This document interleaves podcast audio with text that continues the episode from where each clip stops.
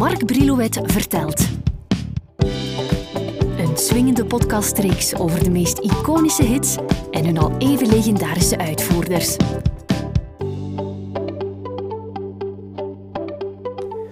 Ga rustig zitten of doe gewoon eh, rustig voort waar je mee bezig bent. Ik zit hier in elk geval achter mijn computer en achter mijn microfoon. En ik vroeg me net af of je dat nog weet, dat op één en dezelfde dag Michael Jackson overleed en Jasmine. Dat was de 25 juni 2009. Voor mij iets makkelijker om te onthouden, want de 25 juni is mijn verjaardag. Daaraan denken doet me toch even stilstaan bij dat gebeuren, want een week of drie voordien stond ik bij de VRT nog samen met Jasmin in de lift. Oké, ze oogde een beetje vermoeid, maar voor de rest klonk ze zoals altijd collegiaal vriendelijk. Vandaag wil ik met jou even terug naar de periode dat ze net het album Blauw had ingeblikt, waarop ze de pure popsongs achterwege had gelaten in het voordeel van moderne kleinkunst, te horen in liedjes als Slaaf, Zachte Hypnose en Zorgeloze Wereld. Verbazingwekkend in het jaar 2000 is Jasmin's samenwerking met Frank Boeien, wat hun beiden een grote hit oplevert, namelijk de vertaling van Leonard Cohen's Suzanne. Ik had hem leren kennen op een uh, televisieopname op de VRT. En dat klikte in de eerste plaats op persoonlijk vlak heel erg. Uh, uh, ik wist uiteraard wie hij was. hij wist dat niet van mij. is over muziek gepraat. Frank had toen, uh, was wel even geleden weer dat hij nog een hitparade succes had gehad in Vlaanderen toch. In Nederland was hij toen zeer goed bezig met zijn theatertournees en ook wel in België. Maar Koud in mijn hart was dan al even geleden. Um, en die avond dat we daar geweldig zijn doorgezakt, ook, uh, kwam zo het idee van, god, is samen zingen zou wel eens tof zijn. Maar Frank wist dus niks van mijn repertoire. Is hij achter mijn rug om, is die uh, cd's van mij gaan opvragen bij Sony Music, het label waar ik bij had gezeten, die me hadden laten gaan en dan ondertussen veel spijt van hadden. Uh, dus die volgde mij nog wel van op afstand. Is hij uh, cd's gaan opvragen. Ik weet, weet, nog dat hij het album Pret à Porter had gekregen van, uh, van Sony, via via. En dat hij daarop heel goede songs vond staan. En op een bepaald moment mij gebeld heeft thuis, mij probeert te zoeken heeft. dus dat is wel vrij hilarisch. Ik zit dan ik was gewoon op een namiddag uh, in, mijn, gewoon in de living, weet ik wel, wat een film aan het kijken of zo. En ik krijg telefoon. Ik ga, nou, het is Frank Boeien aan de lijn. Ik dacht, dit is een grap. was zo. Uh, en die zei, nee, ik, ik uh, ben het echt wel. En ik, ik wil eens afspreken om eens te zien of we niks kan, samen kunnen een single doen. Ik zou graag eens terug eens een single ook in België doen. En op een manier was was ik voor hem een link met een jonger publiek dat hij, dat hij nog moest dat hij nog best kon bij gebruiken. En ik kon het goed andersom gebruiken. Mijn idee cultureel centra, theatertournees. Dus dat was eigenlijk een geven en nemen dat perfect klopte. Dan ben ik naar mij meegereden met de auto en hebben we gewoon heel namiddag zitten jammen eigenlijk in zijn studio, zijn home studio.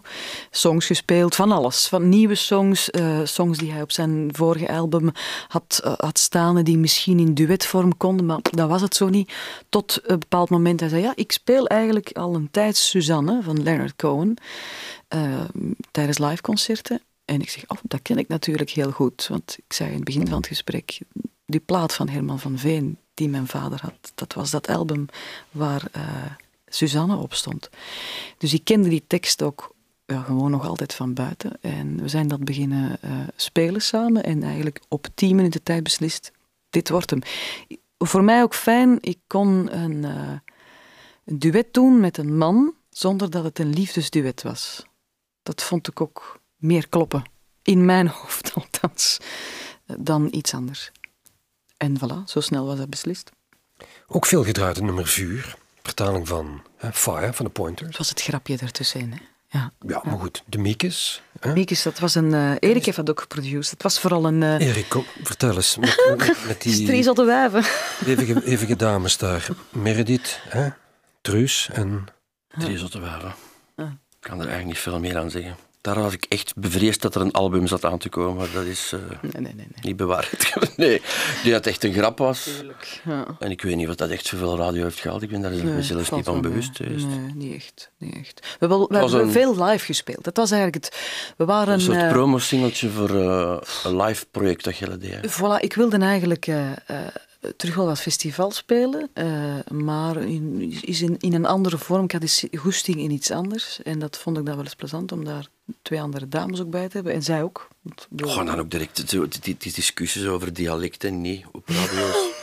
Ja. Oh, Ze gaat niet, onwaarschijnlijk van u dat. je niet heel even iets van niet doen, eerlijk? Nee, want, nee, want ik kende, ik ken Hilde daarvoor te lang, dus ik zag de grap ik was trouwens ook grappig. En, en, en Meredith, een goede zangeres, en eigenlijk ook wel grappig. Ik bedoel, de privé-achtergronden speelden daar ook mee. Iedereen was, uh, moest behoorlijk grappig zijn, want thuis was het dan wat minder grappig, denk ik. En uh, nee, maar ik vond het raar, dat was dan zo wat Antwerps. Mm. En dat was... Wat was dat Bedonna dat, dat? Dat mocht dan niet, je mocht geen dialect nee, zingen. Dat, of... het was iets vreemds. Ja. Er is ook je album nog, Jasmin. Uh -huh. Maar de echte hits, die blijven uit, hè. we moeten eerlijk zijn. Ging... Ik moet eens pakken eigenlijk. Ik moet nog eens kijken, stond daar nog iets op dat eigenlijk... Nu, Jasmin, dat, wat ik lees dat staat nog een... Daar is ook een beetje de chroniek van een aangekondigde dood. Is Zo'n ja. platenfirma waar iedereen verdwijnt, plots niemand eigenlijk nog weet wat dat ze bezig zijn. Mm. Daar, naar mijn gevoel, hebben ze toch een paar kansen laten liggen om, om, om, om Jasmin hits, dat wil ik uh, opzij, maar ik denk ook niet, dat was heel haar betrachting eigenlijk meer op die moment. Uh, wel een beetje voor een, een deftig repertoire gaan. En er staan toch, denk ik, nog een paar, eerlijk gezegd, parels op, brief op de tafel waar ik ernaast denk je dat je nu nog altijd zonder blozen en uh, schroom kunt brengen. Dus ze hebben dat een beetje... Ja, dat is tussen twee stoelen gevallen. Voor Radio 1 zal dat, dat waarschijnlijk op die moment niet, niet kleinkunst of niet chanson genoeg zijn. En voor Radio 1 draaide brieven op de tafel. Wat, uh, ja. Radio 1 draaide brieven op de tafel en rijden. De ja. cover van Bijou, wat dan echt een kleinkunst, kleinkunst Maar daar is ook, er zijn geen singles van uitgebracht? Ook Jawel, meer, handen ja? vast. Ah ja, toch. Ja, ja. maar kijk, dat had veel niet mogen op, staan, dat nummer. Veel gedraaid op Radio 2. Dat gevoel, November en okay, gevoel, dat gevoel en hou me vast. Maar, die diep rood. Er staan een paar nummers op die we eigenlijk niet hadden moeten opzetten. Nee, dat is feit. En ook Lief van mijn leven, song die Frank Boeien Achteraf voor mij alles op voorhand. Zwaar. Wie zoekt vindt, hè? je komt terecht bij het album vandaag, het morgen van gisteren, ook al om over na te denken. Een soort concept. Hè? Uh -huh. Alles ja, rond echt concept, Cohen. Uh -huh. uh, waarom hij? Intrigerende figuur, goede teksten, goede muziek. Hoe simpel is het eigenlijk. Ja, of, dat voor mij. Voor mij. Uh, maar hoe was, wist je dat? Het was iemand die ik in de jaren tachtig ook al wel ontdekt had. Toen ik uh, ook luisterde naar Beertit op 30, hè, de Radio 2 die bij ons thuis opstond. Ik zal nooit vergeten, dat het was 82 toen uh, First We Take Manhattan ook toch in de, wat de enige denk ik die echt in de hitparade van hem is, is, is gekomen, die song. En ik uh, absoluut onder de indruk was van een man die ik uh, amper kende, met die bijzondere stem, met die zwarte, zwarte pakken. Uh, met die bijzondere teksten die ik eigenlijk niet begreep. Voor zover ik die begrijp ze nog altijd niet. Maar dat maakte het wel net zo anders dan, dan wat ik uh, tot dan in de Weert Top 30 had gezien. Dus dat is...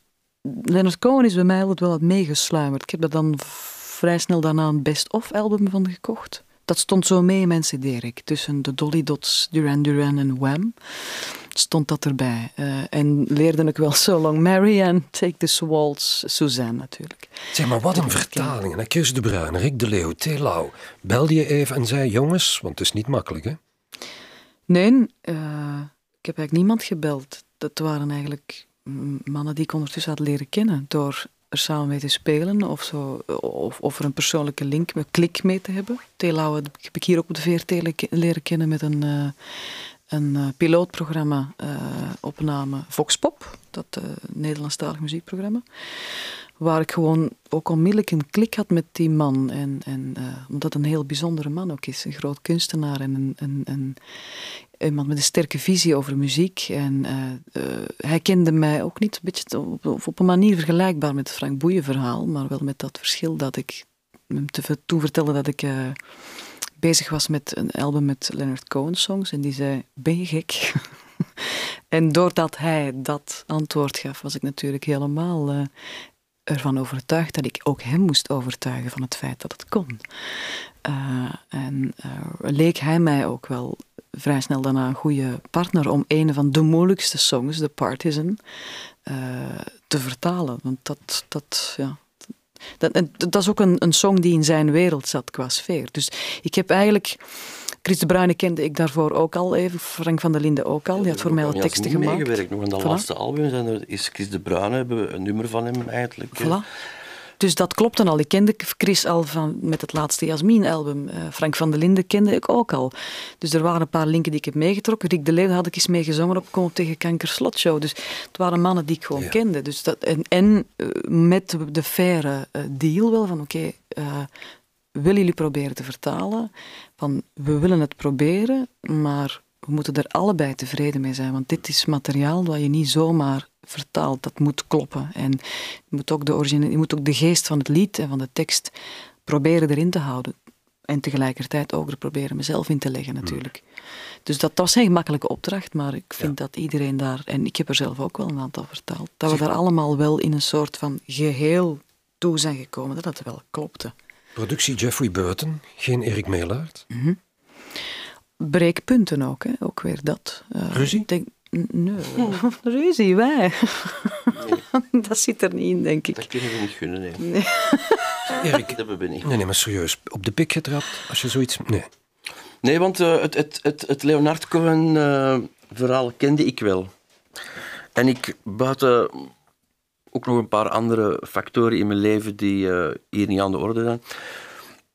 Had ik daar ook absoluut, want we hebben daar nog over gepraat en zei zoiets gaan eten en dat ging. En ik zeg, ja, ik weet dat eigenlijk Leonard kan. Mij heeft dat nooit zoveel aangesproken. Ik ken daar wel een paar nummers van, maar als je echt voor zo'n concept gaat, dan moet je dat door en door beleefd hebben anders is dat een beetje zinloos, lijkt me. Dus uh, ik zal niet zeggen dat Geoffrey ook uh, Leonard Cohen uh, prioritaire fan is, maar ja, inderdaad, we hebben samen breekpunten verlegd, dus dan is het normaal dat er breekpunten komen waar, dat, waar dat je zelf stilletjes... Ja. Maar ik, nee, ik ben daar, ik moet toch eerlijk zeggen dat ik daar niet terug met een pik getrapt ben. Nee. Jammer. Uh, dus, zeg, en dan komt er een live versie van, hè, in het AB. Jij plagend naakt op de hoes, ik thuis kwijlend.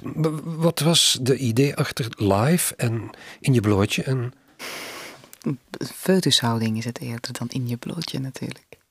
Ja, voilà. geweld hebben, voilà. voilà. Dat was de bedoeling. Natuurlijk. Nee, maar serieus, waarom moest dat live? Omdat een artiest moet spelen voor een publiek, voor een live publiek, op DVD. DVD, Dat is een DVD, DVD hè? Dat is een DVD. Dus er is een, een, een reissue, zeg maar, geweest, een heruitgave. Dus de eerste was een studioalbum en het, de DVD was heruitgave van de studioalbum plus de live DVD. Ja, waarom? Omdat we uh, die tournee vandaag het morgen van gisteren, ik heb die 60 keer gespeeld. Ik ben in alle cc's in Vlaanderen daarmee geweest. Dat is, mag ik zeggen, een heel groot succes geworden. Uh, en ik kreeg de kans van Canvas, van de reeks Dit is Belgisch. Zij waren ook onder de indruk van de vertalingen van hoe het live was. Want ze waren eerst komen kijken naar een van de concerten die we in het eerste seizoen gespeeld hadden. En zij vonden dat een uh, ideaal iets om te doen voor hun reeks. Dit is Belgisch. Dus ik kreeg die kans om een uh, live DVD op te nemen zonder dat ik er een frank voor moest betalen. Zij kwamen heel de show capteren. Ik kreeg de montage er achteraf nog eens gratis bovenop. Dat is gewoon een once in a lifetime. Want als je dat als ik dat zelf had moeten bekosten, had ik gewoon, dat had niet gekund. Ik had een ploeg van 30 mensen toen bij We hadden acht camera's. En dan zit daar nog zoveel volk achter. Uh, dus daarom moest dat voor mij ook een dvd zijn. Ik wilde ook, uh, voor mij was het op een manier ook wel een statement natuurlijk. Van, uh, een live reputatie die ik de, de jaren daarvoor ook al had opgebouwd zijn vrij stevig. Die te bevestigen ook mijn nieuwe groep, die ik vanaf dan had. En mijn beste live band is so far. Dus zolang tot op vandaag gaat het vooruit. Dus dat is goed. Um, dus ook dat wilde ik bevestigen, dat ik uh, uh, met een zeer goede groep muzikanten op trot was. Zing je daar ook naakt in? Nee. Dus ik hoef niet te kijken. Uh, je moet vooral luisteren, Mark. Vooral luisteren. En het licht, de lichtshow is ook zeer goed. is dat eigenlijk, hè? en de lichtshow is ook zeer goed, dus daar mag je wel voor kijken. Goed. Zo'n jaar of drie na dit interview lijkt bij Jasmin de energie op. Ze had, eh, zo vertelde ze aan vrienden en kennissen, de behoefte opnieuw gewoon Hilde te mogen zijn, zichzelf dus. Wanneer haar partner in april 2009 hun samenzijn niet meer ziet zitten, gaat Jasmin bij haar zus Inge wonen. Ze wordt depressief en voelt zich diep ongelukkig. Alles wankelt, met zelfdoding als enige verlossing. In een interview met Le Callot praten ze het jaar voordien nog openlijk over de dood en zei tegen hem het volgende. Ik wil nog niet doodgaan. Mijn taak zit er nog niet op. Ik ben nog te jong en ik wil nog zoveel doen en onze dochter groot zien worden. De dood aan zich schrikt me niet af. Ik verkies een plotse dood op mijn zestigste bij mijn volle verstand. Het afscheid mag groot en sereen zijn, met een traan en een lach. En daarna een geweldig feest met vatenduvel en lekkere hapjes. Het lot besliste er uiteindelijk anders over.